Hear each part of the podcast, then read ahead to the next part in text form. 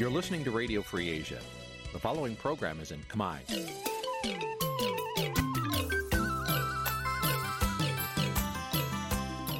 នេះជាកម្មវិធីផ្សាយ Vuthu Azizi Serai នេះជាកម្មវិធីផ្សាយរបស់ Vuthu Azizi Serai ជាភាសាខ្មែរ Vuthu Azizi Serai សូមស្វាគមន៍លោកអ្នកនាងទាំងអស់ពីរដ្ឋធានី Washington នៃសហរដ្ឋអាមេរិក ពីរដ្ឋធានី Washington ខ្ញុំបាទមួងណារ៉េតសូមជម្រាបសួរលោកនាងកញ្ញាអ្នកស្ដាប់វិទ្យុអាស៊ីសេរីទាំងអស់ជាទីមេត្រី យើងខ្ញុំសូមជូនកម្មវិធីផ្សាយសម្រាប់ព្រឹកថ្ងៃអង្គារ12រោចខែអាសត់ឆ្នាំឆ្លូវត្រីស័កពុទ្ធសករាជ2565ត្រូវនឹងថ្ងៃទី2ខែវិច្ឆិកាគ្រិស្តសករាជ2021បច្ចុប្បន្ននេះសូមអញ្ជើញលោកនាងកញ្ញាស្ដាប់ព័ត៌មានប្រចាំថ្ងៃដែលមានមេត្តាដូចតទៅ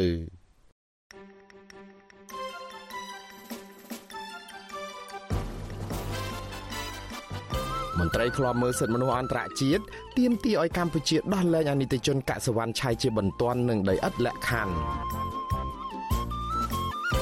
មេ PM ខាតក្រចេះត្រូវតឡាការឃុំខ្លួនពីបទវាយដំនិងបង្ខំឲ្យកុមារជាអ្នកបម្រើហូបលាមកឆ្កែគណៈបកបេះដូងជាតិថាក្រសួងមហាផ្ទៃនៅតែមិនទាន់ឲ្យចុះបញ្ជីបើទោះបីជាខ្លួនកែសម្រួលឯកសារច្រើនលើកច្រើនសារ អ្នកវិភាគថារដ្ឋាភិបាលប្រញាប់បើកប្រទេសឡើងវិញ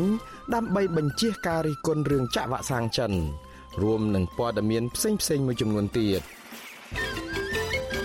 បច្ចុប្បន្នតទៅទៀតនេះខ្ញុំបាទមួងណារ៉េតសូមជូនព័ត៌មានទាំងនេះពឺស្ដា បាទលោកនាងជាទីមេត្រីសាលាដំបងរាជធានីភ្នំពេញបានសម្រេចផ្តន្ទាទោសអានិតិជន ដែលកើតជំងឺខ្សោយបញ្ញាស្មារតីឬក៏ Autism និងត្រូវជាកូនប្រុសរបស់សកម្មជនបកប្រឆាំងដែលកំពុងតែជាប់ឃុំ គឺយុវជនកសុវណ្ណឆៃឲ្យជាប់ពន្ធនាគារ8ខែពីបទញុះញង់និងបទប្រមាថមន្ត្រីរាជការសាធារណៈពាក់ព័ន្ធនឹងការបង្ហោះសារលើ Facebook និង Telegram តែតឡាការសម្រេចឲ្យឃុំខ្លួននៅក្នុងពន្ធនាគារត្រឹមតែ4ខែកន្លះ ហើយព្យួរទោសដែលនៅសល់សាច់ញាតិនឹងមេធាវីចាត់ទុកសាលក្រមផ្ដន្ទាទោសនេះថាជារឿងអយុត្តិធម៌និងមានលក្ខណៈនយោបាយបើលោកមានរិទ្ធមានសេចក្តីរាយការណ៍លម្អិតជំវិញព័ត៌មាននេះសាច់ញាតិនិងសង្គមស៊ីវិលសោកស្ដាយចំពោះការកាត់ក្តីយុវជនកសវណ្ណឆៃឲ្យមានទោសពួកគេហៅសារក្រមនេះថាគឺជារឿងអយុត្តិធម៌ម្ដាយរបស់យុវជនកសវណ្ណឆៃគឺលោកស្រីព្រំចន្ទថាមិនពេញចិត្តទៅនឹងសារក្រមនេះទេ លោកស្រីអះអាងថាកូនប្រុសរបស់លោកស្រី គឺជាក្មេងមានសតិមិនគ្រប់គ្រាន់ហើយមិនស័ក្តិសមនឹងទទួលបានទោសទណ្ឌតាមរបៀបនយោបាយដូចនេះនោះទេលោកស្រីនឹងពិភាក្សាជាមួយមេធាវីដើម្បីប្តឹងជំទាស់ទៅនឹងសារក្រមនេះនៅក្រៅពេលដែលកូនប្រុសរបស់លោកស្រីត្រូវបានតុលាការដោះលែងឲ្យមានសេរីភាពឡើងវិញនៅថ្ងៃទី9ខែវិច្ឆិកាខាងមុខនេះអយុធម៌បីហើយឲ្យខ្ញុំអរ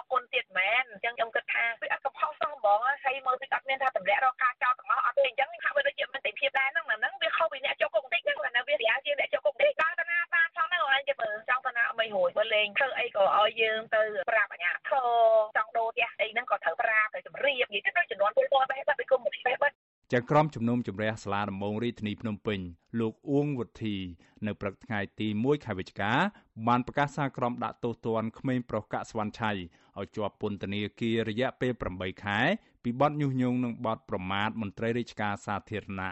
ក៏ប៉ុន្តែចៅក្រមរូបនេះបានសម្រេចឲ្យក្មេងប្រុសអាយុ16ឆ្នាំរូបនេះអនុវត្តទោសនៅក្នុងពន្ធនាគាររយៈពេល4ខែកន្លះដោយទោសដែលនៅសេសសល់ផ្សេងទៀតត្រូវព្យួរ តឡាកាក៏បានដាក់កំណត់ឲ្យយុវជនកសវណ្ណឆៃស្ថិតនៅក្រោមការព្យួរទោសសាកល្បង រយៈពេល2ឆ្នាំ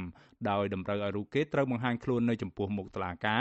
គ្រប់ពេលដែលមានការកោះហៅឬការជូនដំណឹងទៅតឡាកាពីសកម្មភាពផ្ទាល់ខ្លួននានាដូចជាត្រូវសុំការអនុញ្ញាត ចំពោះការផ្លាស់ប្តូរអាសយដ្ឋាន ការចង់ចាក់ចេញទៅក្រៅប្រទេស និងលក្ខខណ្ឌផ្សេងៗមួយចំនួនទៀត នៅមុនការប្រកាសសារក្រមនេះមន្ត្រីតុលាការបានបង្គាប់ឲ្យតំណាងស្ថានទូតតំណាងអង្គការសង្គមស៊ីវិលនិងអ្នកឃ្លាំមើលទាំងអស់ចាក់ចេញពីបន្ទប់ប្រកាសសារក្រមហើយទុកឲ្យតែមេធាវីនិងលោកស្រីព្រំចន្ទថាដែលជាម្ដាយនិងយុវជនកសវណ្ណឆៃតែប៉ុណ្ណោះលោកស្រីព្រំចន្ទថាស្រណោះកូនប្រុសនៅពេលដែលនិយាយដល់ទស្សនវិជ្ជានៃការប្រកាសសារក្រមនោះព្រោះយុវជនរូបនេះមិនដឹងថាគេនាំគ្នានិយាយអ្វីទាល់តែសោះនោះ ឯរូបរាងកាយទៀតសោតក៏កាន់តែស្គមស្គាំងសម្បុរឡើងខ្មៅនិងកើតកោមរមាស់ពេញខ្លួនមន្ត្រីតឡាការនឹងឆ្មាំពន្ធនាគារក៏ក៏មិនអនុញ្ញាតឲ្យម្ដាយនិងកូនបានជួបគ្នានោះដែរដែលលើកហេតុផលថាបារម្ភពីការឆ្លងរាលដាលនៃជំងឺ Covid-19 ក្រោយពេលប្រកាសសារក្រមចាប់ភ្លាមនគរបាលនៅក្នុងតុលាការក៏បានប្រកាសលោកស្រីព្រំចន្ទថាឲ្យចេញពីបរិវេណតុលាការឲ្យលឿនដោយមិនអនុញ្ញាតឲ្យលោកស្រីនៅឈររេរាឬនិយាយគ្នាជាមួយតំណាងស្ថានទូតសង្គមស៊ីវិលឬអ្នកស្គាល់គ្នាណានោះឡើយរីឯនៅក្រៅបរិវេណតុលាការវិញគ្មានការតវ៉ាទេនៅថ្ងៃនេះក៏ប៉ុន្តែអាជ្ញាធរបានដាក់ពង្រាយកងកម្លាំងសន្តិសុខប្រហែល50នាក់នៅត្រៀមចាំបង្ក្រាបជាស្រេច មេធាវីការពីក្តីឲ្យយុវជនកសវណ្ណឆៃលោកសំសកុងសោកស្ដាយចំពោះសារក្រមនេះលោកបញ្យល់ថាតាមផ្លូវច្បាប់តឡាការមិនគួរកាត់ទោសកូនក្តីរបស់លោកដែលជាអនិច្ចជនមិនទាន់គ្រប់អាយុ18ឆ្នាំនិងមានជំងឺខ្សោយសតិបញ្ញាឬ autism ពីកំណើតផងនោះនៅក្នុងបទព្រហ្មទណ្ឌបែបនេះនោះទេលោកនឹងតាមជួយជ្រោមជ្រែងកូនក្តីរបស់លោកឲ្យអស់ពីលទ្ធភាព ក្នុងការដាក់ពាក្យបណ្ដឹងបន្តទៀតតាមការកំណត់នៃច្បាប់មានជំងឺ autism ដែលមិនយល់ពីអង្គហេតុដែលខ្លួនបានធ្វើហ្នឹងគឺច្បាប់ហ្នឹងតម្រូវឲ្យមានការលើកលែងចោតប្រកាន់ឬមិនឲ្យទទួលខុសត្រូវព្រមត្តនទេអញ្ចឹងហើយបានខ្ញុំយល់ថាសារក្រមព្រឹកមិញនេះគឺមានការខកចិត្តដោយសារមានការបន្តទៀតទោសធម្មតាការបន្តទៀតទោសវាប៉ះពាល់ទៅនឹងអនាគតរបស់កុមារសង្គមស៊ីវិលក៏សម្ដែងការសោកស្ដាយទៅនឹងសារក្រមនេះដែរនាយករងទទួលបន្ទុកផ្នែកសិទ្ធិមនុស្សនៃអង្គការលីកាដូលោកអំសមាត យល់ថាការសម្រេចសេចក្តីនេះគឺជារឿងធ្ងន់ធ្ងរសម្រាប់អនិច្ចជន និងជាយុវជនដែលមានជំងឺខ្សោយសតិបញ្ញាស្មារតីពីកំណើតគណៈតំណាងស្ថានទូតនិងអង្គការអន្តរជាតិនានាមិនជឿថាយុវជនអាយុក្រោម18ឆ្នាំរូបនេះមានសមត្ថភាពញុះញង់ពលរដ្ឋឬសង្គមឲ្យវឹកវរនោះទេថ្មីបើមានការកាត់តម្រឹមទោសក៏ដោយក៏ប៉ុន្តែលោកអំសមាតនៅតែបង្ហាញការព្រួយបារម្ភថា សារក្រមសម្រាប់សេចក្តីនេះនឹងធ្វើឲ្យសហគមន៍អន្តរជាតិរិះគន់បន្ថែមទៀតពីរឿងរំលោភសិទ្ធិកុមារនៅកម្ពុជា ទន្ទឹមនឹងនេះលោកថាប៉ះសិនបើសារក្រមនេះត្រូវចូលជាស្ថាពរវាក៏អាចជះឥទ្ធិពលអវិជ្ជមានដល់អនាគតរបស់យុវជនកសវណ្ណឆៃថែមទៀតផងហើយសារក្រមនេះខ្ញុំគិតថាប្រងបន្ថែមឲ្យមានការរិះគន់តទៅទៀតទាក់ទងនឹងបញ្ហាទៅលើសិទ្ធិកុមារព្រោះគាត់ទៅតែអាយុ16ឆ្នាំហើយមួយទៀតគាត់ក៏ត្រូវធ្លាប់រងនៅការវាយដំហើយរបួស យុវជនកសវណ្ណឆៃគឺជាកូនប្រុសរបស់សមាជិកក្រុមប្រឹក្សាជាប់ឆ្នោតនៃគណៈបកសង្គ្រោះជាតិនៅរាជធានីភ្នំពេញគឺលោកកកកំភៀដែលបច្ចុប្បន្នកំពុងជាប់ឃុំពីបទរួមគំនិតក្បត់និងបទញុះញង់នៅក្នុងពន្ធនាគារព្រៃសរម1នៅមុនការចាប់ខ្លួនយុវជនកសវណ្ណឆៃតែងតែទៅចូលរួមការតវ៉ាដោយអហិង្សាជាមួយម្ដាយនិងក្រុមស្ត្រីថ្ងៃសុកដើម្បីទាមទារឲ្យតុលាការនិងរដ្ឋាភិបាល ដោះលែងនិងទម្លាក់បទចោទលើសមាជិកគណៈបកសង្គ្រោះជាតិទាំងអស់ដែលកំពុងជាប់ឃុំនគរបាលរាជធានីភ្នំពេញបានសម្រុកចូលចាប់ខ្លួនយុវជនកសវណ្ណឆៃទាំងកណ្ដាលត្រៀតនៅថ្ងៃទី25ខែមិថុនាដោយចោទថាយុវជនរូបនេះបានជេរប្រមាថថ្នាក់ដឹកនាំរដ្ឋាភិបាលនៅក្នុងក្រុមនៃបណ្ដាញសង្គម Telegram មុនត្រូវបានចាប់ឃុំខ្លួនក្នុងពន្ធនាគារយុវជនរូបនេះក៏ធ្លាប់ត្រូវនគរបាលប៉ុស្តិ៍ចាក់អង្រែលើខណ្ឌមានជ័យ ចាប់ឃុំខ្លួនក្នុងប៉ុស្តិ៍ប៉ូលីសម្ដងរួចមកហើយកាលពីខែតុលាឆ្នាំ2020ដោយថាយុវជនកសវណ្ណឆៃចូលក្នុងបរិវេណហាមឃាត់គឺទីស្នាក់ការគណៈបកសង្គ្រោះជាតិក្នុងពេលឃាត់ខ្លួនកាលនោះយុវជនកសវណ្ណឆៃអះអាងថាប៉ូលីសបានដាក់ខ្នោះដៃហើយវាដំលើខ្លួនប្រាននិងដាល់មុខគាត់ជាច្រើនដៃរួចបង្ខំឲ្យខ្លួនធ្វើកិច្ចសន្យាទទួលកំហុសជាថ្នូវនឹងការដោះលែងក្រោយមកទៀតនៅចុងខែមេសា ជនមិនស្គាល់មុខពីរនាក់បានជិះម៉ូតូមួយគ្រឿងលួចគប់យុវជនកសវណ្ណឆៃនិងដុំអិតតាន់ត្រូវចំក្បាលខាងឆ្វេងបណ្ដាលឲ្យរបួសដេកអស់20ធ្នេហើយសមត្ថកិច្ចមិនទាន់ចាប់ខ្លួនជនដៃដល់យកមកផ្ដន្ទាទោសនៅឡើយទេខ្ញុំបាទមេរិត Visual C ស្រីរាយការណ៍ពីរដ្ឋធានី Washington បាទលោកនាងជាទីមេត្រីជំវិញរឿងនេះដែរនាយករងនៃអង្គការឃ្លាំមើលសិទ្ធិមនុស្សអន្តរជាតិលោក Phil Robertson អំពាវនាវឲ្យទម្លាក់ចោលរាល់បទចោទប្រកាន់និងដោះលែងក្មេងប្រុសកសវណ្ណឆៃជាបន្ទាន់និងដោយឥតលក្ខខណ្ឌលោក Phil Robertson ហៅការសម្រេចក្តីនេះថាជារឿងហួសចិត្តមិនអាចទទួលយកបាន និងជាការបង្ហាញឲ្យឃើញចេតនាអាក្រក់បន្ថែមទៀតរបស់ក្រុមលោកហ៊ុនសែននៅក្នុងការវាយបំបាក់អ្នកនយោបាយប្រឆាំងលោកថាការដាក់ទណ្ឌកម្មក្មេងប្រុសកសវណ្ណឆៃនេះទំនងជាសំអាងទៅលើហេតុផលមួយយ៉ាងគឺគាត់ជាកូនរបស់សមាជិកគណៈបកប្រឆាំងដែលកំពុងតែជាប់ឃុំ ក្រៅពីនេះជាការពិតដែលតុលាការបានទាត់ចោលនៅអំណះអំណាងពីពិការភាពផ្នែកបញ្ញាស្មារតីនិងតម្រូវការចាំបាច់សម្រាប់ក្មេងប្រុសម្នាក់នេះដោយបដិសេធនៅការស្នើសុំឲ្យវាយតម្លៃអំពីអ្នកជំនាញផ្នែកវិទ្យាសាស្ត្រដែលទាំងនេះក៏បង្ហាញឲ្យឃើញពីចេតនារបស់អាជ្ញាធររដ្ឋាភិបាលក្នុងការធ្វើទុកបុកម្នេញនិងបំផិតបំភ័យស្មារតីកុមារលោកបន្តថារឿងនេះបង្ហាញឲ្យកាន់តែច្បាស់ថាតុលាការកម្ពុជានៅតែជាស្ថាប័នដ៏ទន់ខ្សោយមួយ។ លោក Phil Robertson អំពាវនាវដល់អ្នកជំនាញអង្គការសហប្រជាជាតិក្រុមភ្នាក់ងារអង្គការសហប្រជាជាតិប្រចាំនៅកម្ពុជា និងរដ្ឋាភិបាលបរទេសផងត្រូវយកចិត្តទុកដាក់ករណីនេះនិងទាមទារឲ្យតុលាការទម្លាក់ចោលរាល់បទចោទប្រកាន់និងដោះលែងក្មេងប្រុសកសវណ្ណឆៃជាបន្ទាន់និងដោយឥតលក្ខខណ្ឌ បាទលោកនាងជាទីមេត្រីគណៈបកបេះដូងជាតិថាក្រសួងមហាផ្ទៃនៅតែមិនព្រមឲ្យចុះបញ្ជីបើទោះបីជាខ្លួនកែសម្រួលឯកសារច្រើនលើកច្រើនសារមកហើយក្តីនៅក្នុងសេចក្តីថ្លែងការណ៍កាលពីថ្ងៃទី1ខែវិច្ឆិកាគណៈបកនេះថាក្រសួងមហាផ្ទៃមានភាពយឺតយ៉ាវចំពោះការស្នើសុំចុះបញ្ជីគណៈបកបេះដូងជាតិបើទោះបីជាខ្លួនបានកែសម្រួលឯកសារចំនួន3លើកទៅហើយទៅតាមសំណើរបស់ក្រសួងមហាផ្ទៃ គណៈបកនេះបន្ថែមថាការកែសម្រួលនិងបំពេញបែបបត់ឡើងវិញចុងក្រោយគឺធ្វើនៅថ្ងៃទី17ខែកញ្ញាដែលគិតមកដល់ពេលនេះមានរយៈពេលជាង40ថ្ងៃមកហើយបើតាមច្បាប់ស្តីពីវិសោធនកម្មច្បាប់ស្តីពីគណៈបកនយោបាយមាត្រា22ចែងទៅក្រសួងមហាផ្ទៃត្រូវតែពិនិត្យខ្លឹមសារនៃសំណុំឯកសាររបស់គណៈបកនយោបាយបន្ទាប់ពីថ្ងៃចេញបង្កាន់ដៃទទួលពាក្យសុំចុះបញ្ជីគណៈបក នៅក្នុងរយៈពេលយ៉ាងយូរ30ថ្ងៃក្រសួងមហាផ្ទៃត្រូវតែសម្រេចយល់ព្រមឬក៏មិនយល់ព្រមឲ្យចុះបញ្ជីគណៈបកក្រសួងមហាផ្ទៃកាលពីថ្ងៃទី21ខែមិថុនាព្រមទទួលពាក្យសុំនិងអនុញ្ញាតឲ្យបង្កើតគណៈបកបេះដូងជាតិក៏ប៉ុន្តែត្រូវបំពេញលក្ខខណ្ឌចាំបាច់មួយចំនួនជាមុនសិនលក្ខខណ្ឌចាំបាច់ដែលក្រសួងមហាផ្ទៃតម្រូវឲ្យគណៈបកនេះបំពេញនិងកែសម្រួលខ្លឹមសារជាបន្តបន្ទាប់នោះគឺពាក់ព័ន្ធនឹងលក្ខន្តិកៈរបស់គណៈបកនេះ ក៏ប៉ុន្តែគណៈបកបេះដូងជាតិអះអាងថាបើទោះជាខ្លួនបានកែតម្រូវនៅចំណុចខ្វះខាតនៃលក្ខន្តិកៈរបស់គណៈបកនេះឲ្យស្របតាមខ្លឹមសារនៃច្បាប់ស្តីពីគណៈបកនយោបាយ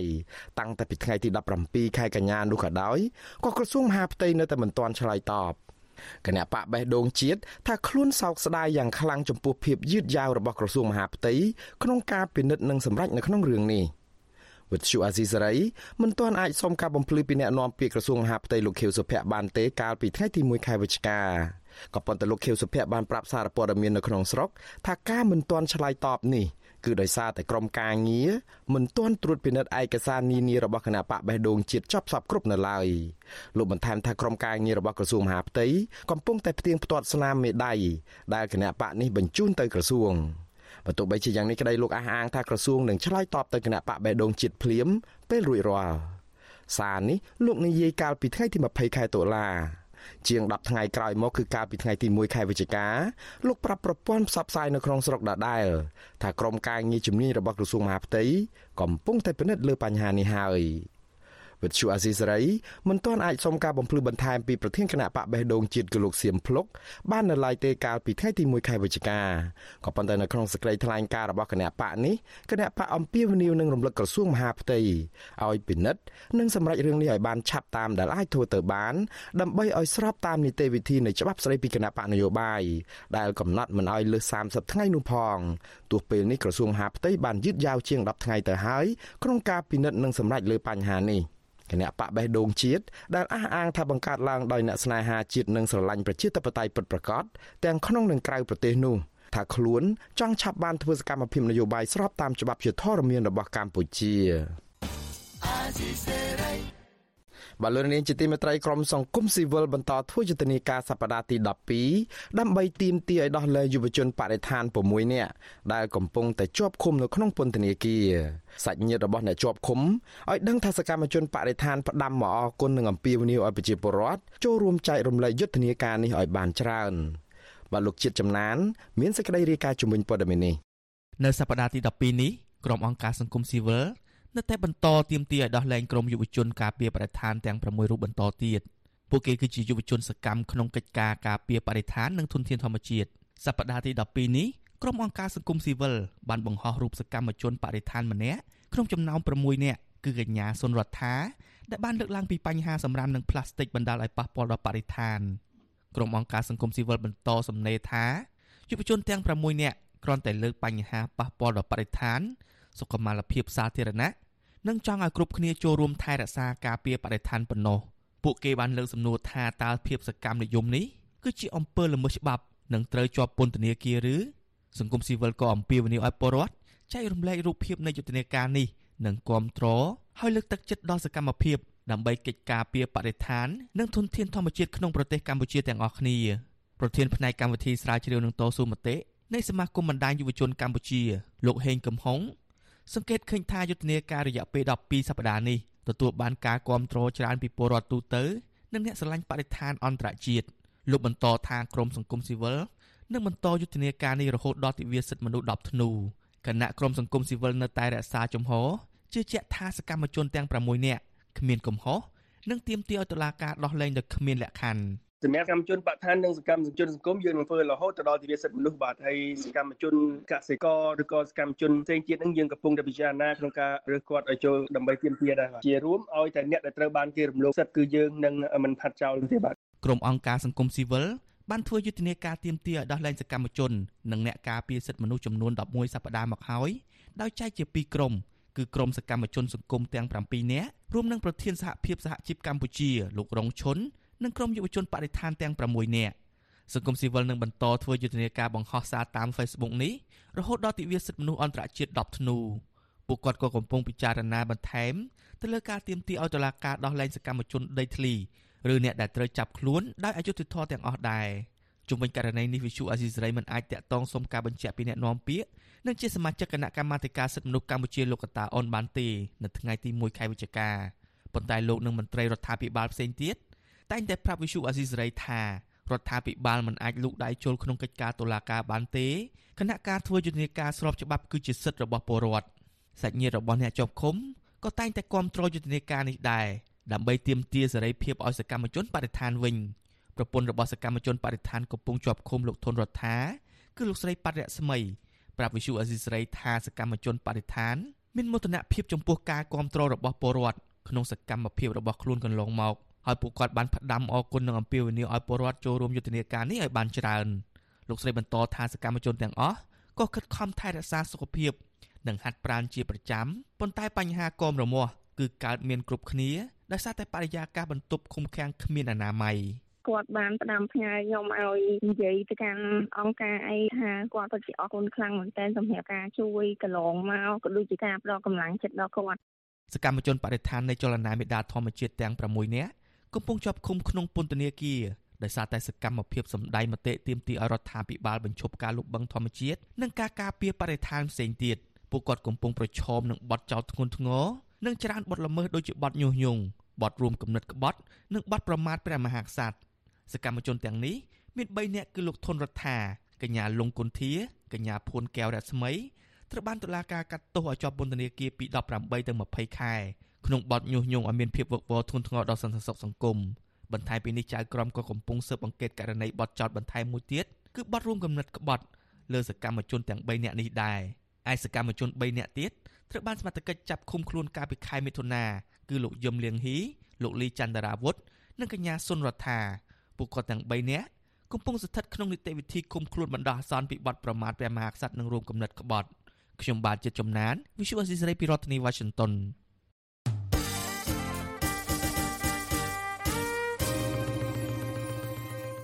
បាទលោកនាងជាទីមេត្រីលោកនាងកំពុងតែស្ដាប់ការផ្សាយរបស់វិទ្យុអាស៊ីសេរីពីរដ្ឋធានី Washington សហរដ្ឋអាមេរិក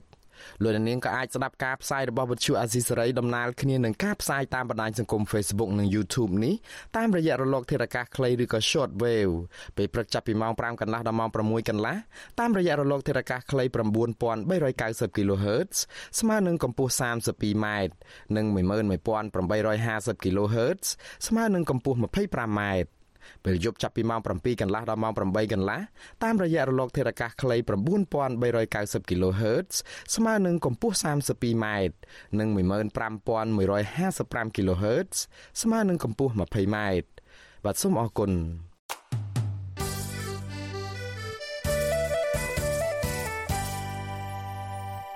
បលូននាងជាទីមេត្រីងាកមកព័ត៌មានអំពីស្ថានភាពជំងឺ Covid-19 ឯណោះវិញកាលពីថ្ងៃទី1ខែវិច្ឆិកាម្សិលមិញអ្នកជំងឺ Covid-19 ចំនួន6អ្នកទៀតបានស្លាប់នៅក្នុងនោះ4អ្នកមិនបានចាក់វ៉ាក់សាំងករណីឆ្លងថ្មីមានចំនួន91អ្នកដែលជាលទ្ធផលដែលបញ្ជាក់ដោយម៉ាស៊ីនពិសោធន៍ PCR ក៏ប៉ុន្តែតួលេខនេះមិនរាប់បញ្ចូលលទ្ធផលដែលពិនិត្យតាមឧបករណ៍តេស្តរហ័សឬក៏ Rapid Test នោះទេ គិតមកត្រឹមព្រឹកថ្ងៃទី1ខែវិច្ឆិកាម្សិលមិញនោះដែរកម្ពុជាមានអ្នកកើតជំងឺ Covid-19 ជាង118,000នាក់នៅក្នុងនោះអ្នកជាសះស្បើយមានប្រមាណជាង114,000នាក់ចំណែកឯករណីស្លាប់ដោយសារតែជំងឺ Covid នេះវិញក្រសួងអាហារថាបានកើនឡើងដល់ជាង2700នាក់ មេដឹកនាំរបបក្រុងភ្នំពេញលោកហ៊ុនសែនសម្រេចបើកប្រទេសគ្រប់វិស័យឡើងវិញ ចាប់ពីថ្ងៃទី1វិច្ឆិកាតទៅក្រោយការចាក់ស្រោចវ៉ាក់សាំងបង្ការជំងឺ Covid-19 លើសផែនការរហូតដល់ទៅជាង100%នៃប្រជាពលរដ្ឋប្រមាណ10លាននាក់លោកហ៊ុនសែនប្រកាសដូចនេះនៅក្នុងពិធីបិទយុទ្ធនាការចាក់វ៉ាក់សាំងបង្ការជំងឺ Covid-19 សម្រាប់អ្នកមានអាយុ6ឆ្នាំឡើង និងបើកយុទ្ធនាការចាក់វ៉ាក់សាំងសម្រាប់ក្មេងអាយុ5ឆ្នាំ លោកហ៊ុនសែនបញ្ជាក់ថាការសម្រេចបើកប្រទេសគ្រប់វិស័យឡើងវិញនេះគឺតម្រូវឲ្យប្រជាពលរដ្ឋសម្របខ្លួនរៀនរស់នឹងកន្លងថ្មីជាមួយនឹង COVID-19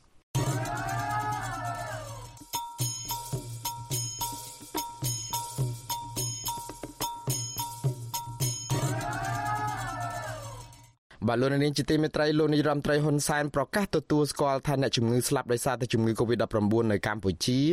មានអត្រាខ្ពស់ជាងប្រទេសមួយចំនួន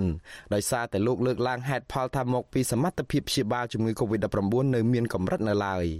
ការលើកឡើងបែបនេះធ្វើឡើងនៅក្នុងពិធីបិទយុទ្ធនាការចាក់វ៉ាក់សាំងបង្ការជំងឺ Covid-19 ជុំទី1សម្រាប់ប្រជាពលរដ្ឋដែលមានអាយុចាប់ពី6ឆ្នាំឡើងនិងយុទ្ធនាការចាក់វ៉ាក់សាំងបង្ការជំងឺ Covid-19 សម្រាប់ក្មេងអាយុ5ឆ្នាំកាលពីថ្ងៃទី1ខែវិច្ឆិកាអ្នកជំនាញវិទ្យាសាស្ត្រនៅតែព្រួយបារម្ភអំពីប្រព័ន្ធសុខាភិបាលកម្ពុជាដដែលប្រសិនបើក្រសួងសុខាភិបាលមិនដោះស្រាយបញ្ហាជំនាញបច្ចេកទេសឱសថនិងសម្ភារៈនោះទេ មេដឹកនាំរបបក្រុងភ្នំពេញលោកហ៊ុនសែនដែលតែងតែអួតអាង អំពីភាពជោគជ័យនៅក្នុងការទប់ស្កាត់ជំងឺ Covid-19 និងចែករំលែកបទពិសោធន៍ដល់ប្រទេសមួយចំនួនផងនោះពេលនេះបែរជាប្រកាសទទួលស្គាល់ថាសមត្ថភាពព្យាបាលជំងឺ Covid-19 នៅកម្ពុជា នៅមានកម្រិតទាបនៅឡើយដែលធ្វើឲ្យមានអ្នកជំងឺ Covid-19 ស្លាប់ច្រើនជាងបណ្ដាប្រទេសមួយចំនួន។ លោកហ៊ុនសែនប្រកាសនៅថ្ងៃទី1ខែវិច្ឆិកាថាអត្រាអ្នកស្លាប់ដោយសារតែជំងឺ Covid-19 បើប្រៀបធៀបទៅនឹងចំនួនអ្នកឆ្លងគឺកម្ពុជាមានចំនួនអ្នកស្លាប់ជាង2700នាក់ស្មើនឹង2.35%បើធៀបទៅនឹងចំនួនអ្នកឆ្លងនៃជំងឺនេះសរុបដែលអត្រានេះខ្ពស់ជាងប្រទេសមួយចំនួននៅតំបន់អាស៊ានអឺរ៉ុបនិងសហរដ្ឋអាមេរិកដែលមានអត្រាអ្នកស្លាប់ដោយសារតែជំងឺនេះក្រោម2%តែប៉ុណ្ណោះ លោកបន្តថាបើទោះបីជាអត្រាអ្នកឆ្លងជំងឺ Covid-19 មានចំនួនតិចនៅកម្ពុជាក៏ប៉ុន្តែអត្រាអ្នកស្លាប់វិញមានចំនួនច្រើន ដែលលោកបញ្ជាក់ថានេះគឺជាក្តីបារម្ភមួយរបស់រដ្ឋាភិបាល ដែលត្រូវពង្រឹងគុណភាពព្យាបាលជំងឺ Covid-19 និងរកឲ្យឃើញនូវវិធីសាស្ត្រព្យាបាល ដើម្បីទទួលបានប្រសិទ្ធភាពជាងនេះកុំឃើញថាវៀតណាមថៃស្លាប់ច្រើនជាងយើងរឿងអីទៅយើងត្រូវខ្វល់អត់ទេ ចឹងដែលយើងត្រូវពង្រឹងសមត្ថភាពក្នុងការព្យាបាលភាគរយឆ្លងមិនមែនជាភាគរយដែលគួរឲ្យបារម្ភទៅទេតែភាគរយស្លាប់គឺជាភាគរយដែលត្រូវបារម្ភយន្តការដែលមានការពាក់ព័ន្ធត្រូវបន្តតាមដាននិងវិយតម្លៃអំពីការវិវត្តនៃសភាពការឲ្យបានជាប់ជាប្រចាំជាពិសេសអត្រាអ្នកឆ្លងជំងឺ Covid-19 ដែលវិវត្តទៅរកសភាពធ្ងន់ធ្ងរ បើទោះបីជាយ៉ាងនេះក្តីថ្លែងនៅក្នុងពិធីបើកយុទ្ធនាការចាក់វ៉ាក់សាំងបង្ការជំងឺ Covid-19 សម្រាប់ក្មេងអាយុ5ឆ្នាំនៅថ្ងៃទី1ខែវិច្ឆិកាដដែលនេះលោកហ៊ុនសែនក៏បានប្រកាសបើកដំណើរការប្រទេសពេញលេញឡើងវិញលើគ្រប់វិស័យចាប់ពីពេលនេះតទៅដើម្បីឲ្យប្រជាពលរដ្ឋរៀនរស់នៅជាមួយនឹងជំងឺ Covid-19 តាមបែបគន្លងថ្មីផងដែរ ជាមួយគ្នានោះលោកអះអាងថារដ្ឋាភិបាលបានចាក់វ៉ាក់សាំងបង្ការដល់ប្រជាពលរដ្ឋអាយុចាប់ពី6ឆ្នាំឡើងទៅ បានប្រមាណជិត14លាននាក់ឬស្មើនឹង85.68%នៃប្រជាពលរដ្ឋសរុបជិត17លាននាក់ទន្ទឹមនឹងនេះលោកក៏បានណែនាំឲ្យមន្ត្រីរបស់លោកត្រៀមប្រាក់2លាន5សែនដុល្លារសម្រាប់ចំណាយលើពលរដ្ឋ50000នាក់ដើម្បីបញ្ជាទិញថ្នាំព្យាបាលជំងឺ Covid-19 ពីសហរដ្ឋអាមេរិក លោកអះអាងថារដ្ឋាភិបាលបានចំណាយថវិកាសរុបជាង2300លានដុល្លារសម្រាប់ការប្រយុទ្ធប្រឆាំងជំងឺ Covid-19 ដែលស្ថានភាពនេះលោកអះអាងថាមិនធ្វើឲ្យរដ្ឋាភិបាលរបស់លោកដួលរលំនោះទេ បើទោះបីជាយ៉ាងនេះក្តីវិធានការប្រយុទ្ធប្រឆាំងនឹងជំងឺ Covid-19 របស់រដ្ឋាភិបាលកម្ពុជាកន្លងមកត្រូវបានសាធារណជននិងអ្នកតាមដានស្ថានភាពមួយចំនួនរិះគន់ថាជាវិធានការដែលមានលក្ខណៈនយោបាយច្រើនជាងលក្ខណៈបច្ចេកទេសព្រោះសេចក្តីសម្រេចភាកច្រើនចេញពីលោកហ៊ុនសែនតែម្នាក់ឯងស្របពេលដែលក្រសួងសុខាភិបាលដែលជាក្រសួងជំនាញផងនោះហាក់ព្យាយាមលាក់បាំងព័ត៌មាន និងមិនឆ្លើយតបឲ្យបានត្រឹមត្រូវនោះទេ ជាមួយរឿងនេះអ្នកជំនាញបន្តជំរុញដល់រដ្ឋាភិបាលដោះស្រាយបញ្ហាប្រឈមនៃប្រព័ន្ធសុខាភិបាលជាបន្ទាន់ដើម្បីឆ្លើយតបទៅនឹងស្ថានភាពជំងឺ Covid-19 ជាពិសេសកាត់បន្ថយអត្រាអ្នកស្លាប់ដោយសារតែជំងឺនេះ។ ប្រធានសមាគមគ្រូពេទ្យគុណធម៌កម្ពុជាលោកអ៊ូចវុធីមានប្រសាសន៍ថាលោកគាំទ្រចំណាត់ការរបស់រដ្ឋាភិបាល ដើម្បីពង្រឹងសមត្ថភាពនៃការព្យាបាលអ្នកជំងឺ Covid-19 លោកសង្កេតឃើញថាបច្ចុប្បន្នប្រព័ន្ធសុខាភិបាលជួបបញ្ហាជាច្រើនដូចជាខ្វះកិច្ចសហការពីគ្រូពេទ្យជំនាញសម្ភារៈវិទ្យាសាស្ត្រ គុណភាពឱសថនិងកន្លែងព្យាបាលនៅមិនទាន់ឆ្លើយតបទៅនឹងតម្រូវការជាក់ស្ដែងរបស់អ្នកជំងឺជាពិសេសនៅតាមមន្ទីរពេទ្យតាមខេត្តដែលជាមូលហេតុពិបាកសង្គ្រោះអ្នកជំងឺ Covid-19 ធ្ងន់ធ្ងរឲ្យបានធូរស្បើយឡើងវិញអ្នកជំនាញរូបនេះបានផ្ដល់យោបល់ថាបើកម្ពុជាមិនមានលទ្ធភាពគ្រប់គ្រាន់ក្នុងការដោះស្រាយបញ្ហានេះទេរ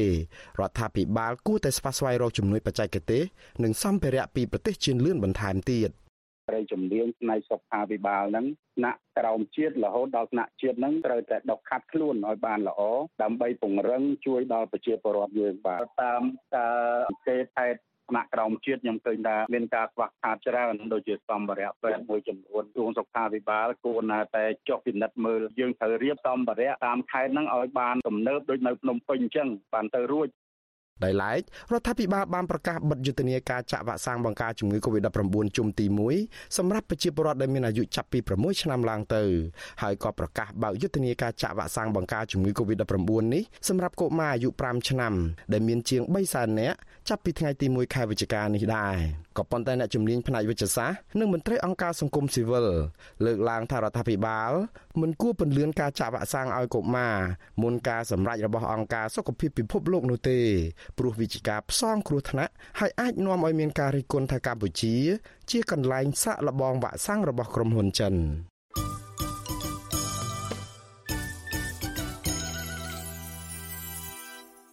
បលូននាងជាទីមេត្រីអ្នកវិភាគលើកឡើងថាការដែលរដ្ឋាភិបាលប្រកាសបើកដំណើរការប្រទេសឡើងវិញចាប់ពីថ្ងៃទី1ខែវិច្ឆិកាម្សិលមិញនោះតទៅគឺពុំមែនមានន័យថាកម្ពុជាឆ្លងផុតពីគ្រោះថ្នាក់ដោយសារតែជំងឺ Covid-19 នោះទេតើរដ្ឋាភិបាលអាចមានហេតុផលអ្វីខ្លះទាក់ទងនឹងការបើកប្រទេសឡើងវិញនេះបាទសូមលុននាងរងចាំស្ដាប់បទសម្ភាសន៍រវាងវិទ្យុអាស៊ីសេរីនិងអ្នកវិភាគនឹងសិក្សាការអភិវឌ្ឍសង្គមជុំវិញរឿងនេះនៅក្នុងការផ្សាយរបស់យើងនាពេលបន្តិចទៀតនេះបាទសូមអរគុណ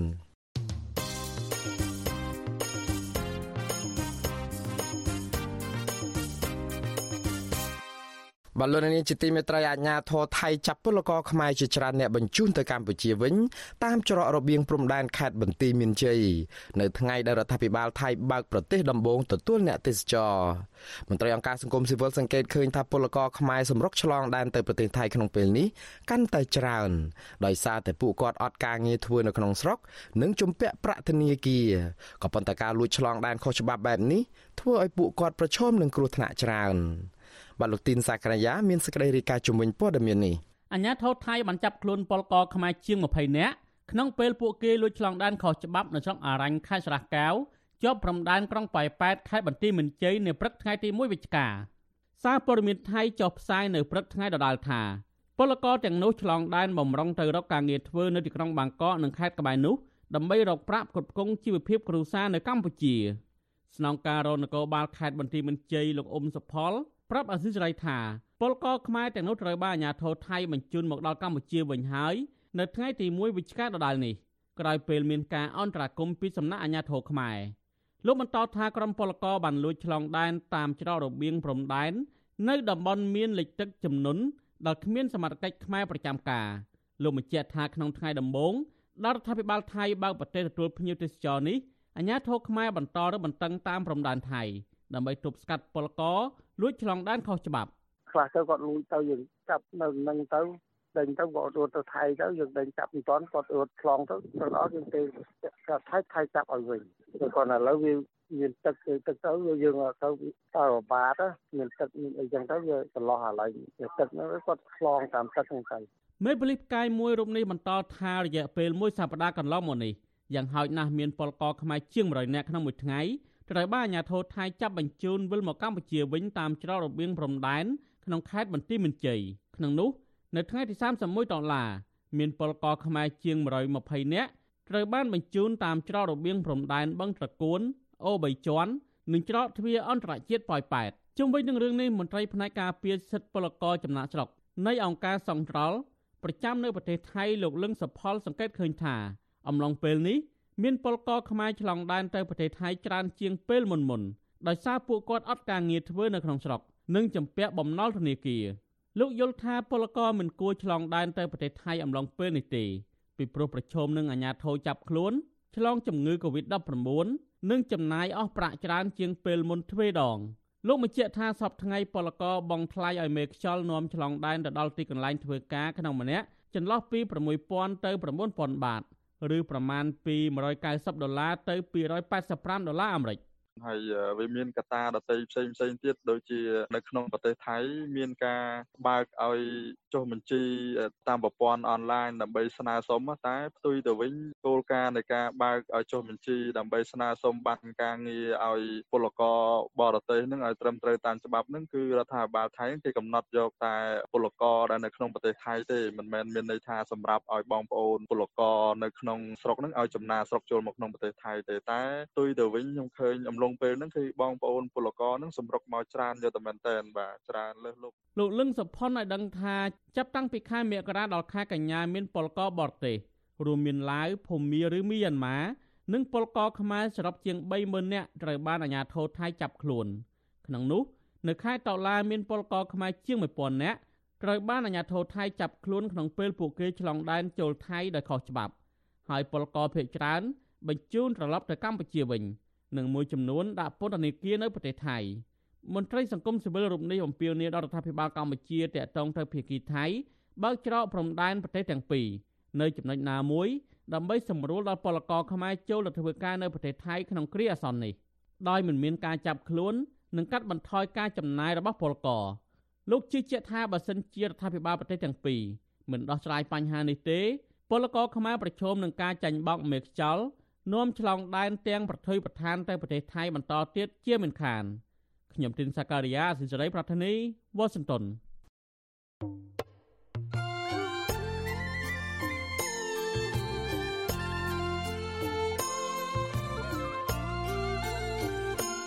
បាទលោកនាងជាទីមេត្រីលោកនាងកំពុងតែស្ដាប់ការផ្សាយរបស់វិទ្យុអាស៊ីសេរីផ្សាយចេញពីរដ្ឋធានី Washington សហរដ្ឋអាមេរិក។ នៅក្នុងឱកាសនេះដែរខ្ញុំបាទសូមថ្លែងអំណរគុណដល់លោកអ្នកនាងកញ្ញាទាំងអស់ដែលតែងតែមានភក្ដីភាពចំពោះការផ្សាយរបស់យើងហើយចាត់ទុកការស្ដាប់វិទ្យុអាស៊ីសេរីជាផ្នែកមួយនៃសកម្មភាពប្រចាំថ្ងៃរបស់លោកអ្នកនាង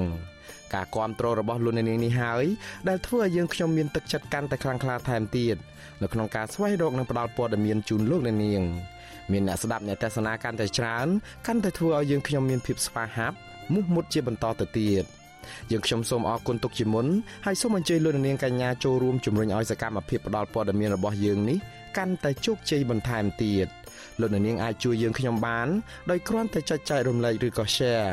ការផ្សាយរបស់យើងនៅលើបណ្ដាញសង្គម Facebook និង YouTube ទៅកាន់មិត្តភ័ក្តិដើម្បីឲ្យការផ្សាយរបស់យើងបានទៅដល់មនុស្សកាន់តែច្រើនបាទសូមអរគុណ បាទលោកនាងជាទីមេត្រីព័ត៌មានពីខេត្តក្រចេះសាលាដំបងខេត្តនេះសម្រេចឃុំខ្លួនបដិអាសន្នមេបញ្ជាការកងរាជអាវុធហត្ថក្រុងក្រចេះលោកទេពហ៊ុយនៅពន្ធនាគារខេត្តនេះនៅក្នុងសំណុំរឿងវាយធ្វើបាបក្មេងស្រីដែលជាអនិច្ចជន2នាក់ សេចក្តីប្រកាសព័ត៌មានរបស់អាយកានិងសាលាដំបងខេត្តក្រចេះកាលពីថ្ងៃទី1ខែវិច្ឆិកាម្សិលមិញឲ្យដឹងថាតឡាការចោតប្រកាន់លោកទេពហ៊ុយ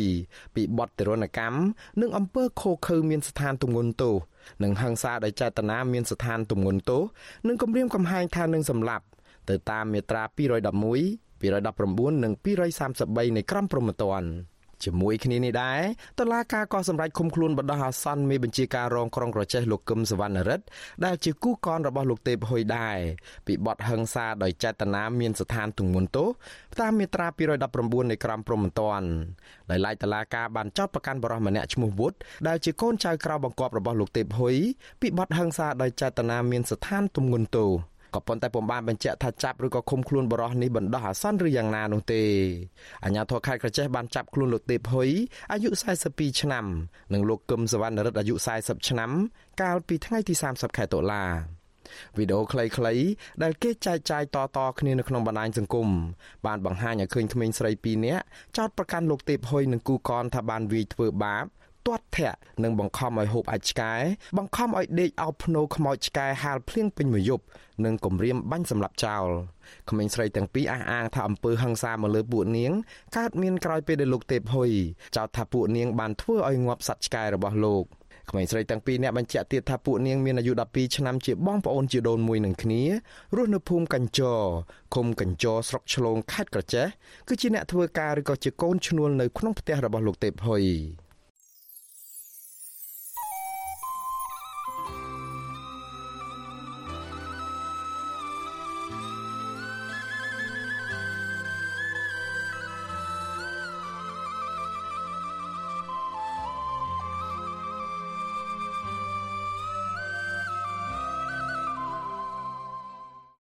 បលូននាងជាទីមេត្រីមជ្ឈមណ្ឌលសិទ្ធិមនុស្សកម្ពុជាធ្វើយុទ្ធនាការ4ថ្ងៃតាមប្រព័ន្ធអ៊ីនធឺណិតចាប់ពីថ្ងៃទី1ខែវិច្ឆិកាដល់ថ្ងៃទី4ខែវិច្ឆិកាដើម្បីទាមទារឲ្យរដ្ឋាភិបាលបញ្ចប់អំពើនីតិរដ្ឋភាពនិងអំពើក្រតកម្មប្រឆាំងនឹងអ្នកសារព័ត៌មានការធ្វើយុទ្ធនាការនេះធ្វើឡើងនៅក្នុងឱកាសប្រពៃទិវាអន្តរជាតិដើម្បីបញ្ចប់នីតិរដ្ឋភាពឬភាពគ្មានទោសពៃរួចផុតពីសំណាញ់ច្បាប់លើក្រតកម្មប្រឆាំងនឹងអ្នកសារព័ត៌មាននៅថ្ងៃទី2ខែវិច្ឆិកា យុទ្ធនាការ4ថ្ងៃនេះមានគោលបំណងលើកកម្ពស់ការយល់ដឹងអំពីទួនាទីសំខាន់សំខាន់របស់អ្នកសារព័ត៌មាននៅក្នុងសង្គមប្រជាធិបតេយ្យនិងអំពើនីតិរដ្ឋភាពដែលកំពុងតែបន្តញោមញីប្រទេសកម្ពុជា រួមទាំងអំពើកតកម្មប្រឆាំងនឹងអ្នកសារព័ត៌មានផង។ មជ្ឈមណ្ឌលសិទ្ធិមនុស្សកម្ពុជាលើកឡើងនៅក្នុងសេចក្តីថ្លែងការណ៍ចុះថ្ងៃទី31ខែតុលាថាទិវាអន្តរជាតិនេះគឺជាឱកាសជំរុញឲ្យមានការពិភាក្សាអំពីអក្រិតកម្មប្រឆាំងលើអ្នកសារព័ត៌មាននិងអ្នកធ្វើការនៅក្នុងវិស័យប្រព័ន្ធផ្សព្វផ្សាយដែលមិនទាន់ទទួលបានយុត្តិធម៌កន្លងមកនិងដើម្បីសម្ដែងនូវការគោរពដល់អ្នកសារព័ត៌មានដែលតែងតែប្រថុយប្រថានឬក៏បានបាត់បង់អាយុជីវិតនៅក្នុងបបហេតុរាយការណ៍ព័ត៌មានរបស់ខ្លួន មជ្ឈមណ្ឌលសិទ្ធិមនុស្សកម្ពុជាបន្តថាទិវានេះក៏ដើម្បីរំលឹកដល់រដ្ឋាភិបាលជំវិញពិភពលោកទាំងអស់រួមទាំងរដ្ឋាភិបាលកម្ពុជាផងត្រូវបំពេញកាតព្វកិច្ចរបស់ខ្លួននៅក្នុងការលើកកម្ពស់ និងគោរពសេរីភាពសារព័ត៌មានព្រមទាំងបញ្ចប់នៅអំពើនីតិរដ្ឋភាពលើក្រតកម្មដែលប្រឆាំងនឹងអ្នកសារព័ត៌មានផងមជ្ឈមណ្ឌលសិទ្ធិមនុស្សកម្ពុជាបញ្ជាក់ថាចាប់តាំងពីឆ្នាំ1994មកយ៉ាងហោចណាស់មានអ្នកសារព័ត៌មានចំនួន13នាក់ត្រូវបានគេសម្លាប់ដោយសារតែការបំពេញការងាររបស់ខ្លួននៅក្នុងនោះមានអ្នកសារព័ត៌មាន12នាក់ត្រូវបានគេសម្លាប់នៅក្នុងពេលដែលពួកគាត់រាយការណ៍រិះគន់គណៈបកកណ្ដាលអំណាចនិងរាយការណ៍រឿងអាស្រូវពុករលួយរបស់មន្ត្រីជាន់ខ្ពស់នៅក្នុងជួររដ្ឋាភិបាលនិងស្ថាប័នយោធា មកដល់បច្ចុប្បន្ននេះជនរងគ្រោះមិនទាន់ទទួលបានយុត្តិធម៌នោះទេ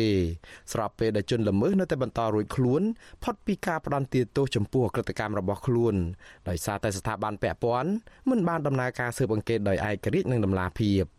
សម្រាប់ការធ្វើយុទ្ធនាការ4ថ្ងៃនេះមជ្ឈមណ្ឌលសិទ្ធិមនុស្សកម្ពុជានឹងផ្សព្វផ្សាយជាសាធារណៈនៅអំពើនីតិរដ្ឋភាពទាំងនោះនិងអំពាវនាវឲ្យរដ្ឋាភិបាលបញ្ចប់នៅអំពើនីតិរដ្ឋភាពដែលជនល្មើសនៅតែបន្តរួចខ្លួនពីការផ្ដន្ទាទោសតាមផ្លូវច្បាប់នេះ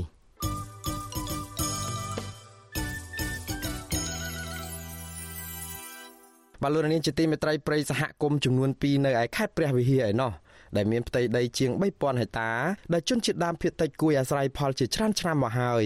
បានបាត់បង់ទាំងស្រុងនៅឆ្នាំ2021នេះប្រជាពលរដ្ឋជាង10នាក់ដែលចេញមកការពីប្រិយសហគមន៍ទាំងនេះមិនត្រឹមតែគ្មានការលើកទឹកចិត្តពីអាជ្ញាធររដ្ឋាភិបាលនោះទេតែបែរជាคล้ายជាជនរងគ្រោះជាប់បណ្ដឹងនៅតុលាការជាច្រើនករណីថែមទៀតផងសំលុននាងស្ដាប់សេចក្តីរាយការណ៍របស់លោកលេងម៉ាលីជុំវិញព័ត៌មាននេះ ជនជាតិដើមភាគតិចគួយជាច្រើនគ្រួសាររស់នៅឃុំរមនីស្រុករវៀងបង្ហាញពីភាពអយុត្តិធម៌និងឈឺចាប់នៅគ្រាដែលពួកគាត់លះបង់ការពារសម្បត្តិភូកទ្របជាតិបែរជាត្រូវប្រឈមការគំរាមកំហែងនិងជាប់បណ្ដឹងនៅតុលាការជាច្រើនករណីអ្នកភូមិថាព្រៃសហគមន៍ចំនួន2គឺព្រៃសហគមន៍បឹងទន្លេមេរិចនិងព្រៃសហគមន៍ភ្នំប្រលៀនបានរលាយហិនហោចទាំងស្រុងនៅរយៈពេលជិត1ឆ្នាំចុងក្រោយនេះ។ រីឯមន្ត្រីបរិស្ថាននិងក្រុមហ៊ុនទ្រីភិបបានប្រើប្រព័ន្ធតុលាការគម្រាមកំហែងលើពលរដ្ឋណាដែលហ៊ានចេញមុខការពីព្រៃសហគមន៍ទាំងនេះពលពលរដ្ឋរស់នៅភូមិស្រែធ្នង់លោកស៊ុនស៊ីនប្រាប់វិទ្យុអស៊ីសេរីនៅថ្ងៃទី1វិច្ឆិកាថាប្រៃសហគមន៍ភ្នំប្រលៀនមានផ្ទៃដីជិត2000ហិកតាបានបាត់បង់អស់ទាំងស្រុងហើយលោកថាកាលពីថ្ងៃទី6ខែតុលាព្រៃសហគមន៍នេះនៅសល់ព្រៃប្រមាណ52ហិកតា ដែលអ្នកភូមិចង់រក្សាទុកប៉ុន្តែបែរជារលាយហិនហោចបន្ថែមទៀតលោកចាំថាកាលពីជាង10ឆ្នាំមុនព្រៃសហគមន៍នេះសម្បូរដើមឈើធំធំ និងសត្វព្រៃកម្រជាច្រើនប្រភេទរស់នៅប៉ុន្តែព្រៃឈើបានថយចុះបន្តិចម្ដងបន្តិចម្ដងដោយសារខ្វះការយកចិត្តទុកដាក់ពីអាជ្ញាធរចំណែកពលរដ្ឋចំណូលស្រុក និងពលរដ្ឋមូលដ្ឋានមួយចំនួនបានដណ្ដើមគ្នាទន្ទ្រានយកដីព្រៃធ្វើជាកម្មសិទ្ធិអស់មួយផ្នែកធំ។ បាទបាត់នៅបាត់នៅឆ្នាំ2021ទីបាត់តែមុនអត់បាត់ប្រហែលវាមិនថាมันបាត់ទេវាបាត់តិចតួចមុនណាតែចូលឆ្នាំ2021នេះគឺអស់ត្រេញមកសំបីតែមហាត់មានបងនឹងតឡាការគាត់កាត់ទៅនឹងថាមិនទេព្រោះលក្ខណៈមួយរឿងលំអៀងដែរព្រោះថាគាត់តាក់ព័ន្ធមិនសួររស់ឬរកលរហេតុរផលតាក់ព័ន្ធរឿងអីអីគាត់អត់សួរផងគាត់កាត់យកតែម្ដងលោកស៊ុនស៊ីនបន្ថែមថាកន្លងទៅលោករិទ្ធគុណមន្ត្រីបរិស្ថានម្នាក់ដែលជាប់ពាក់ព័ន្ធការកាប់រៀនព្រៃសហគមន៍ធ្វើជាកម្មសិទ្ធិអស់ជាច្រើនហិកតា ប៉ុន្តែមិនត្រឹមតែគ្មានចំណាត់ការផ្លូវច្បាប់ពីអាជ្ញាធរនោះទេបែរជាជាប់បណ្ដឹងនៅតុលាការទៅវិញលោកថាមន្ត្រីបរិស្ថានម្នាក់នោះបានប្តឹងលោកពីបទបរិហាកេជាសាធារណៈនៅដើមឆ្នាំ2021ហើយតុលាការខេត្តព្រះវិហារបានប្រកាសសាលក្រមឲ្យលោកចាញ់ក្តីដោយត្រូវសងជំងឺចិត្តឲ្យដើមបណ្ដឹង3លានរៀលលោកសង្កេតឃើញថាព្រៃសហគមន៍រលាយហិនហោចអស់ប៉ុន្តែពុំឃើញអាជ្ញាធរនិងតុលាការផ្តន្ទាទោសអ្នកល្មើសណាម្នាក់ទេ ព្រៃសហគមន៍ភ្នំប្រលៀនឬហៅម្យ៉ាងទៀតថាព្រៃសហគមន៍តំបន់ការពារធម្មជាតិភ្នំប្រលៀនជាផ្នែកមួយនៃដែនជម្រកសត្វព្រៃបឹងពែមានផ្ទៃដីជិត2000ហិកតា បានចុះបញ្ជីទទួលស្គាល់ដោយក្រសួងបរិស្ថាន កាលពីឆ្នាំ2009ស្ថិតក្នុងភូមិស្រែធ្នង់ឃុំរមនីស្រុករវៀង រីឯព្រៃសហគមន៍បឹងទន្លេមេរិចស្ថិតក្នុងភូមិពោឃុំរមនីក៏រងការកាប់ឈើមានតម្លៃនិងឈូសឆាយទន្ទ្រានព្រៃយកដីធ្វើកម្មសិទ្ធិអស់ទាំងស្រុងនៅក្នុងឆ្នាំ2021នេះដែរអ្នកភូមិថាក្រុមហ៊ុនទ្រីភិបជាមេខ្លោងឈូសឆាយហុំព័ទ្ធទន្ទ្រានព្រៃសហគមន៍ដើម្បីដាំកៅស៊ូអស់ជាង1000ហិកតាពលរដ្ឋម្នាក់ទៀតថ្លែងសុំមិនបញ្ចេញឈ្មោះអះអាងថាក្រុមហ៊ុនទ្រីភិបបានហុំព័ទ្ធរបងនឹងឈូសឆាយព្រៃបន្សល់ចុងក្រោយនៅឆ្នាំ2021នេះ លោកថាព្រៃសហគមន៍ដែលនៅសេសសល់ចុងក្រោយជាង50ហិកតាដែលអ្នកភូមិស្នើសុំឲ្យអាជ្ញាធរថែទាំឲ្យបានល្អដើម្បីផ្ដល់លទ្ធភាពឲ្យពលរដ្ឋអាស្រ័យផលអនុផលព្រៃឈើក៏ក្រុមហ៊ុនទ្រីភិបឈូកំតិចអស់ដែរលោកសោកស្ដាយដែលព្រៃសហគមន៍នេះធ្លាប់ជាមលុបបៃតងស្រស់បំព្រងនិងផ្ដល់ប្រយោជន៍ច្រើនដល់សហគមន៍បែរជារលាយហិនហោចទាំងស្រុង រីឯពលរដ្ឋជាង10នាក់ដែលចេញមុខការពីព្រៃឈើត្រូវក្រុមហ៊ុនប្តឹងទៅតុលាការធ្វើឲ្យពួកគាត់ភ័យខ្លាចមិនហ៊ានប្រឆាំងជាមួយក្រុមហ៊ុននោះទេសមាជិកសហគមន៍ការពីព្រៃឈើបឹងទន្លេមេរិចលោកហួតគៀណូនិយាយថាលោកត្រូវបានក្រុមហ៊ុនទ្រីភិបប្តឹងទៅតុលាការខេត្តព្រះវិហារ6ករណីនៅគ្រាដែលលោកបានចេញមុខការពីព្រៃសហគមន៍នេះលោកសង្កេតឃើញថាសំបីតែបឹងទន្លេមេរិចដែលផ្ដល់ត្រីសាច់ចិញ្ចឹមជីវិតដល់ពលរដ្ឋជាច្រើនគ្រួសារ ក៏ក្រុមហ៊ុនហូហែងនឹងរឹតបន្តឹងអ្នកភូមិមិនឲ្យទៅនេសាទត្រីដែរ។លោកបារម្ភថាការបាត់បង់ព្រៃសហគមន៍នេះនឹងធ្វើឲ្យជនជាតិដើមគួយធ្លាក់ចុះប្រាក់ចំណូលនិងប្រពៃណីវប្បធម៌គេយកអស់ហើយឥឡូវក៏សំបីកាប់យកអស់ហើយក៏គាត់គេធ្វើនេះអីបងយកអស់គេដាំអាកស៊ូដាំចន្ទីអស់ហើយគេរល្បិចទម្លាក់កំហុសហ្នឹងឯងគេថាគេដូចថាចេះអាដូចបំបែសំណុំរឿងយើងយើងការពីព្រៃទៅយើង ថាយើងបំផ្លាញព្រៃទៅវិញវិទ្យុអស៊ីសេរីមិនទាន់អាចសុំការបំភ្លឺរឿងនេះពីប្រធានរដ្ឋបាលក្រុមហ៊ុនទ្រីភិបលោកហេងសរមបានទេ នៅថ្ងៃទី1វិច្ឆិកាដោយសារទូរស័ព្ទហៅចូលជាច្រើនដងគ្មានអ្នកលើករីឯប្រធានដែនជំរកសត្វព្រៃបឹងពែលោកទូចសុភីក៏វិទ្យុអស៊ីសេរីមិនអាចតាក់ទងបានដែរនៅថ្ងៃដដែលនេះរីឯមេឃុំរមនីលោកខុតរីទទួលស្គាល់ថាព្រៃសហគមន៍ទាំងពីរនេះបានបាត់បង់ទាំងស្រុងហើយ ក៏ប៉ុន្តែលោកចោតសមាជិកសហគមន៍និងពលរដ្ឋថាបែកបាក់សាមគ្គីគ្នាហើយបែកគំនិតចូលកាប់ទន្ទ្រានព្រៃដើម្បីធ្វើចំការលោកបានទម្លាក់កំហុសលើពលរដ្ឋថាជាអ្នកបំផ្លាញព្រៃសហគមន៍ដោយខ្លួនឯងធ្វើឲ្យអាជ្ញាធរពិបាកទប់ស្កាត់ឥឡូវនេះទប់ស្កាត់ទៅទប់ស្កាត់លែងបានហើយហើយសហគមន៍បែកបាក់រឿងការទប់ស្កាត់អត់មានចូលរួមទៀតទេឥឡូវវាលែងចូលរួមមកហើយពីបរិវត្តគាត់អ្នកបំផ្លាញខ្លួនឯង ព្រៃសហគមន៍ការពារធម្មជាតិបឹងទន្លេមេរិចមានផ្ទៃដីជាង2000ហិកតាស្ថិតនៅផ្នែកមួយនៃដែនជម្រកសត្វព្រៃបឹងពែដែលបានចុះបញ្ជីជាព្រៃអភិរក្សពីក្រសួងបរិស្ថានកាលពីឆ្នាំ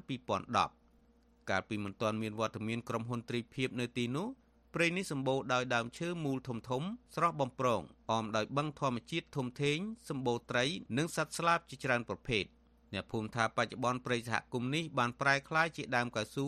និងដំណាំឧស្សាហកម្មផ្សេងទៀតគ្រប់គ្រងដោយកម្មករក្រុមហ៊ុនទ្រីភិប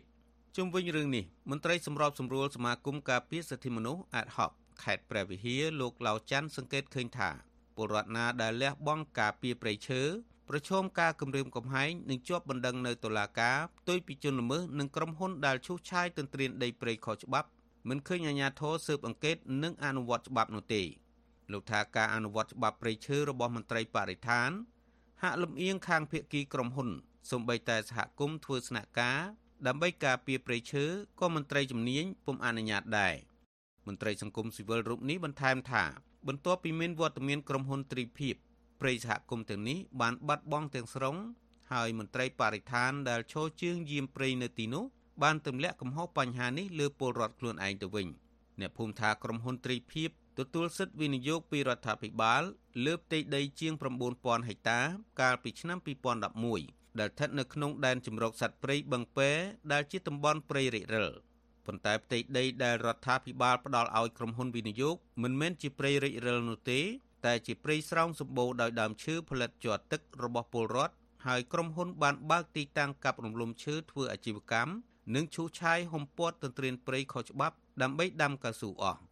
ខ្ញុំបាទលេងម៉ាលី With you Assisary រាយការណ៍ពីរដ្ឋធានី Washington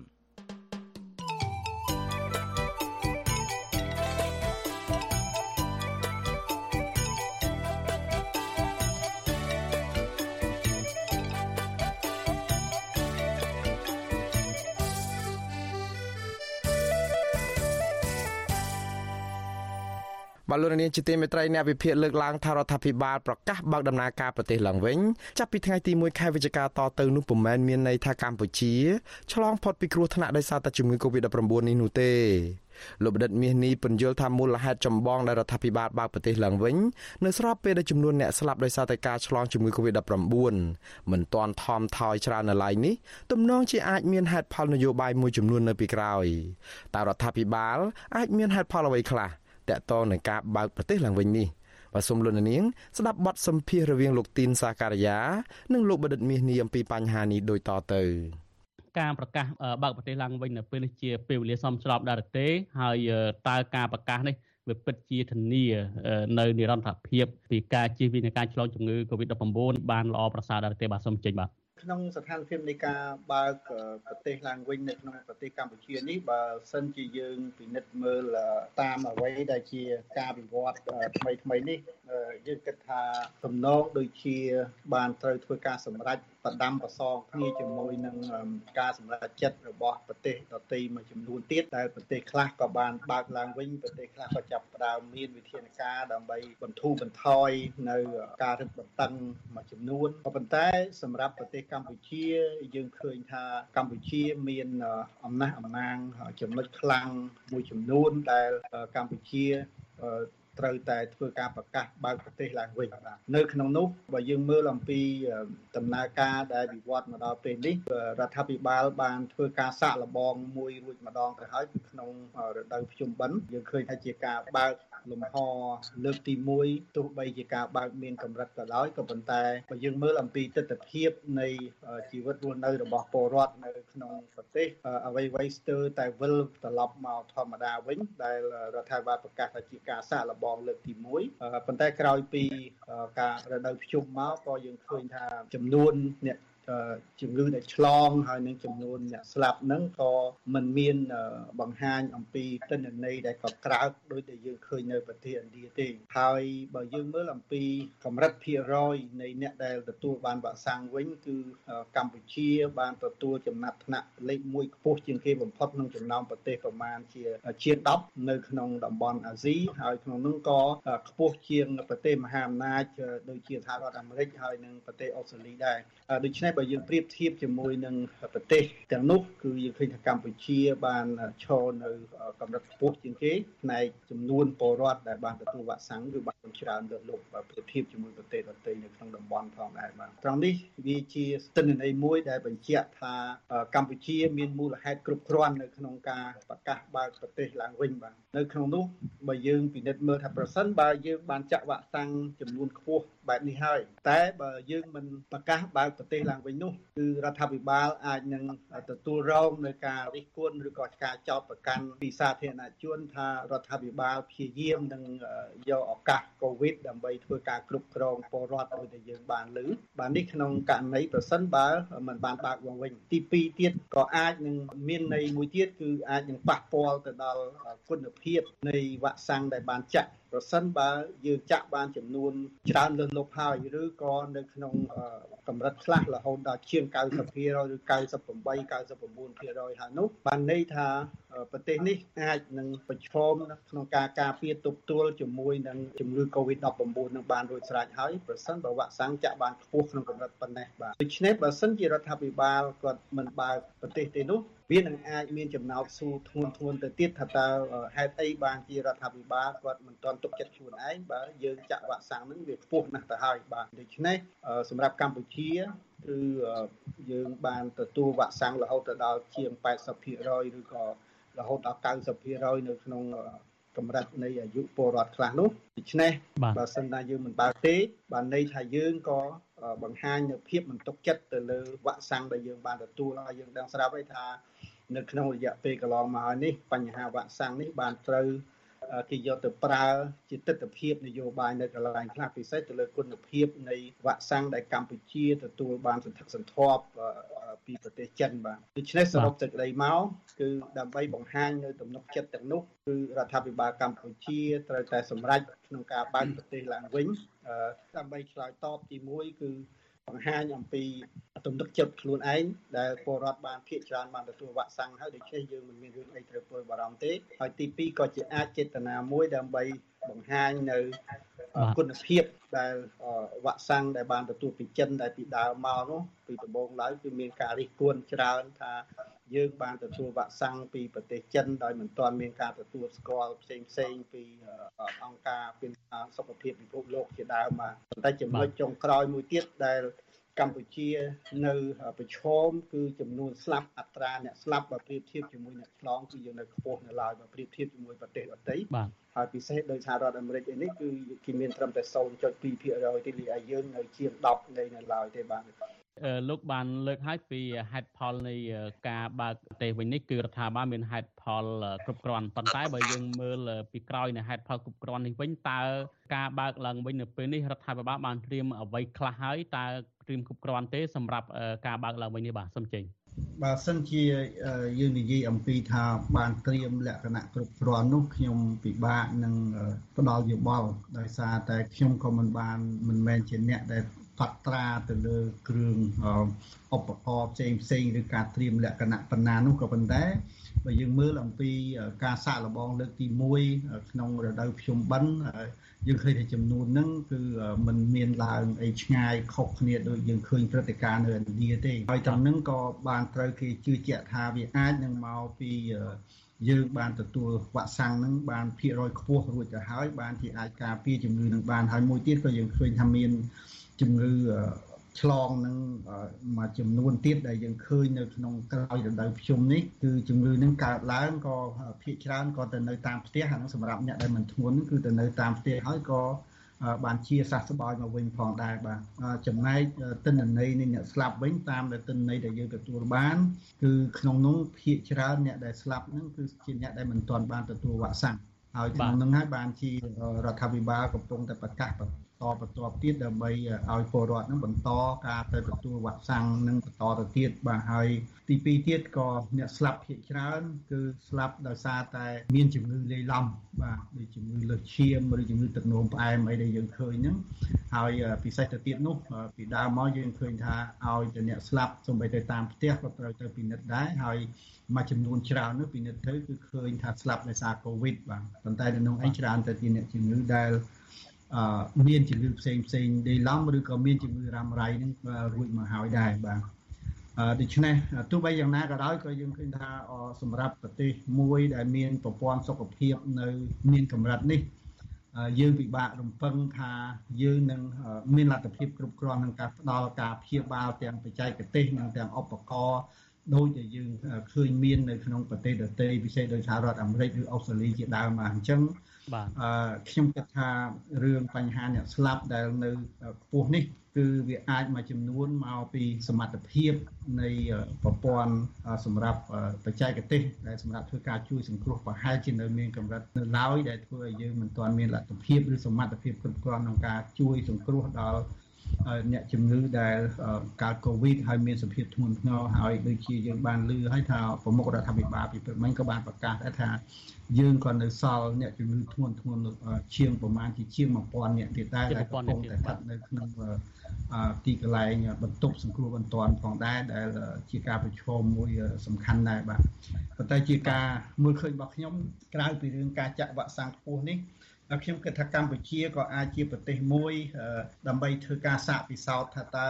ការទទួលបានវ៉ាក់សាំងគ្រប់គ្នានេះវានឹងអាចការពារមិនឲ្យយើងមានជំងឺឆ្លងកូវីដធ្ងន់ធ្ងរដោយដែលព្រឹត្តិការណ៍អាក្រក់នៅឥណ្ឌានឹង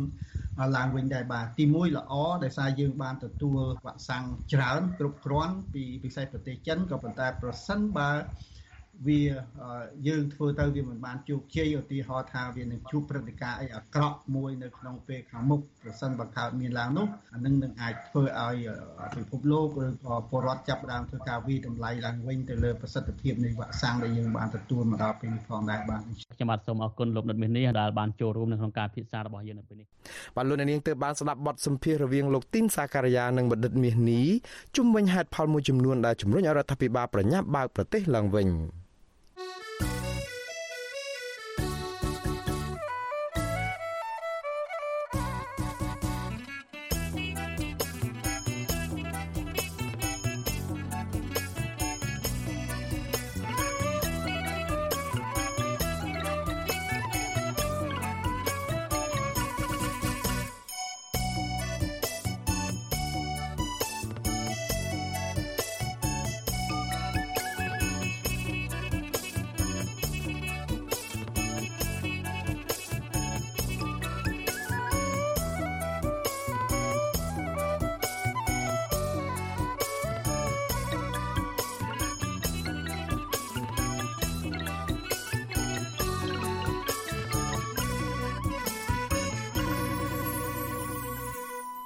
បាទលោកនាងជាទីមេត្រីជាបន្តទៅទៀតនេះខ្ញុំបាទមួងណារ៉េតសូមជូនព័ត៌មានបញ្ចប់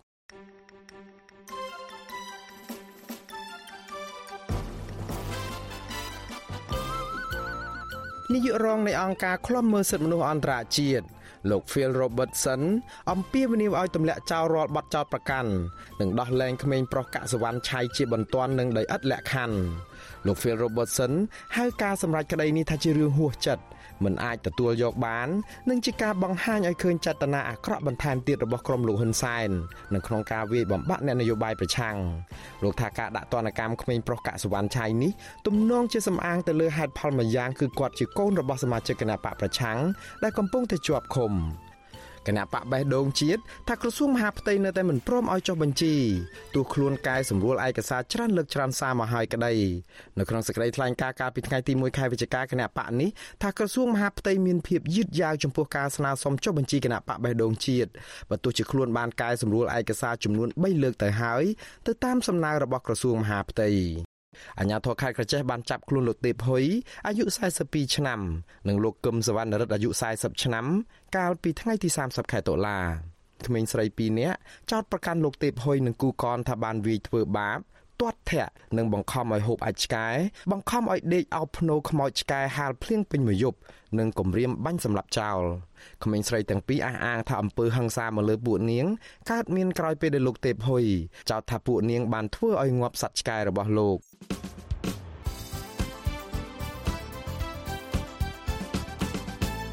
បាទលោកនាងកញ្ញាអ្នកស្ដាប់វិទ្យុអាស៊ីសេរីទាំងអស់ជាទីមេត្រីការផ្សាយរយៈពេល1ម៉ោងជាភាសាខ្មែររបស់វិទ្យុអាស៊ីសេរីនៅពេលនេះចប់តែប៉ុណ្ណេះយើងខ្ញុំសូមជូនពរដល់លោកនាងព្រមទាំងក្រុមគ្រួសារទាំងអស់ឲ្យជួបប្រកបតែនឹងសេចក្តីសុខចម្រើនរុងរឿងកំបីគ្លៀងគ្លាតឡើយខ្ញុំបាទមុងណារ៉េតព្រមទាំងក្រុមការងារទាំងអស់នៃវិទ្យុអាស៊ីសេរីសូមអរគុណនិងសូមជម្រាបលា